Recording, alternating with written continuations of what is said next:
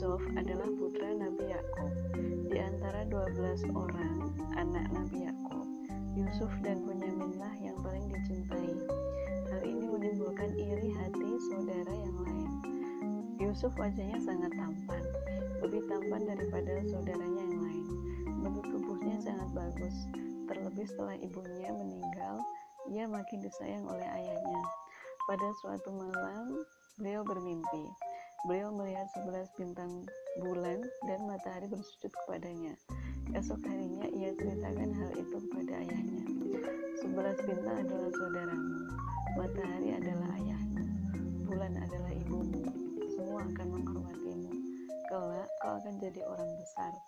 Maka jangan sampai saudaramu tahu. Jika saudaramu tahu, mereka akan mencelakakanmu. Namun, tanpa tahu Yusuf dan ayahnya, Ternyata salah seorang saudaranya mengetahui pembicaraan ayahnya. Sejak saat itu mereka makin membenci Yusuf dan selalu berusaha mencelakakannya. Pada suatu hari mereka minta izin kepada Nabi Yakub untuk mengajak Yusuf berburu binatang. Awalnya Nabi Yakub tidak mengizinkan, tapi setelah mereka menunjukkan kesanggupan menjaga Yusuf, maka Nabi Yakub memperbolehkan. Yusuf ikut berburu. Tinggal Bunyamin yang menemani Nabi Yakub di rumah. Di tengah hutan mereka berburu. Tiba-tiba saudaranya menangkap Yusuf. Apa yang mau kalian lakukan kepadaku? Salah seorang dari kakaknya, kamu diam aja. Mereka hendak membunuh Yusuf, namun tidak sampai hati salah seorang mengusulkan agar dimasukkan saja ke dalam sumur. Pasti ada kafilah yang akan mengambilnya, dan Yusuf pasti akan dijual sebagai budak. Dengan demikian, Yusuf tersingkir dari keluarga Yakub. Usul itu pun disetujui. Dengan paksa, baju gamis Yusuf mereka lepas. Yusuf yang masih kecil tak berdaya ketika saudaranya memasukkannya ke dalam sumur. Mereka kemudian membunuh hewan darahnya ditumpahkan ke baju Yusuf. Setelah pulang, mereka berkata pada Yusuf, mereka berkata bahwa Yusuf telah dimakan serigala hingga bajunya berlumuran darah. Nabi Yakub sangat sedih mendengar hal itu. Demikian sangat kesedihannya sehingga selalu menangis dan matanya menjadi buta. Tak berapa lama di dalam sumur, ada serombongan kafilah yang hendak mengambil air. Mereka menemukan Yusuf. Maka Yusuf dibawa sebagai tawanan. Mereka akan menjualnya di negeri Mesir. Sampai di Mesir, Yusuf dijual sebagai budak. Pembelinya adalah seorang menteri kerajaan bernama Kitfir. Kemudian menteri tersebut menyerahkan Yusuf kepada istrinya Zulaikha. Kitfir dan Zulaikha tidak punya anak. Mereka bermaksud menjadikan Yusuf sebagai anak angkatnya. Kini Yusuf hidup di lingkungan istana kerajaan Mesir. Makin lama makin tamparlah bahwa Yusuf seorang pemuda yang tampan lagi cerdas.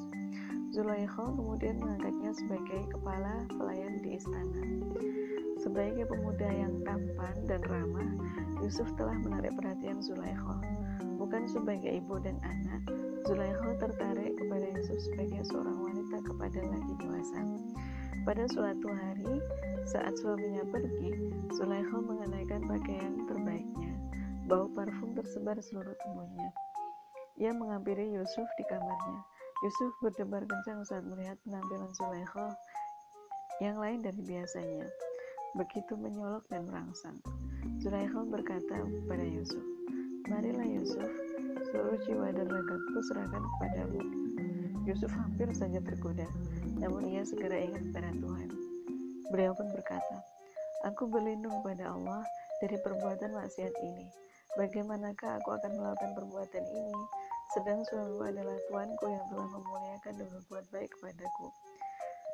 Tidak patut jika suatu kebaikan dibalas dengan penghinaan.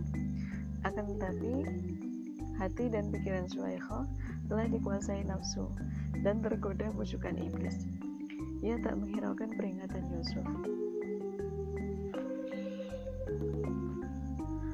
Sulaikha memeluk Yusuf. Tak seorang pun melihat kita, tak ada yang mengetahui. Allah mengetahuinya. Jam Yusuf sambil berontak melepaskan diri. Ia melarikan diri dari kamar Sulaikha. Zulaikha mengejar dan berhasil memegang baju belakang Yusuf. Ia berharap Yusuf akan berhenti dan mau melayaninya, tapi beliau terus berlari sehingga bajunya robek di bagian belakang.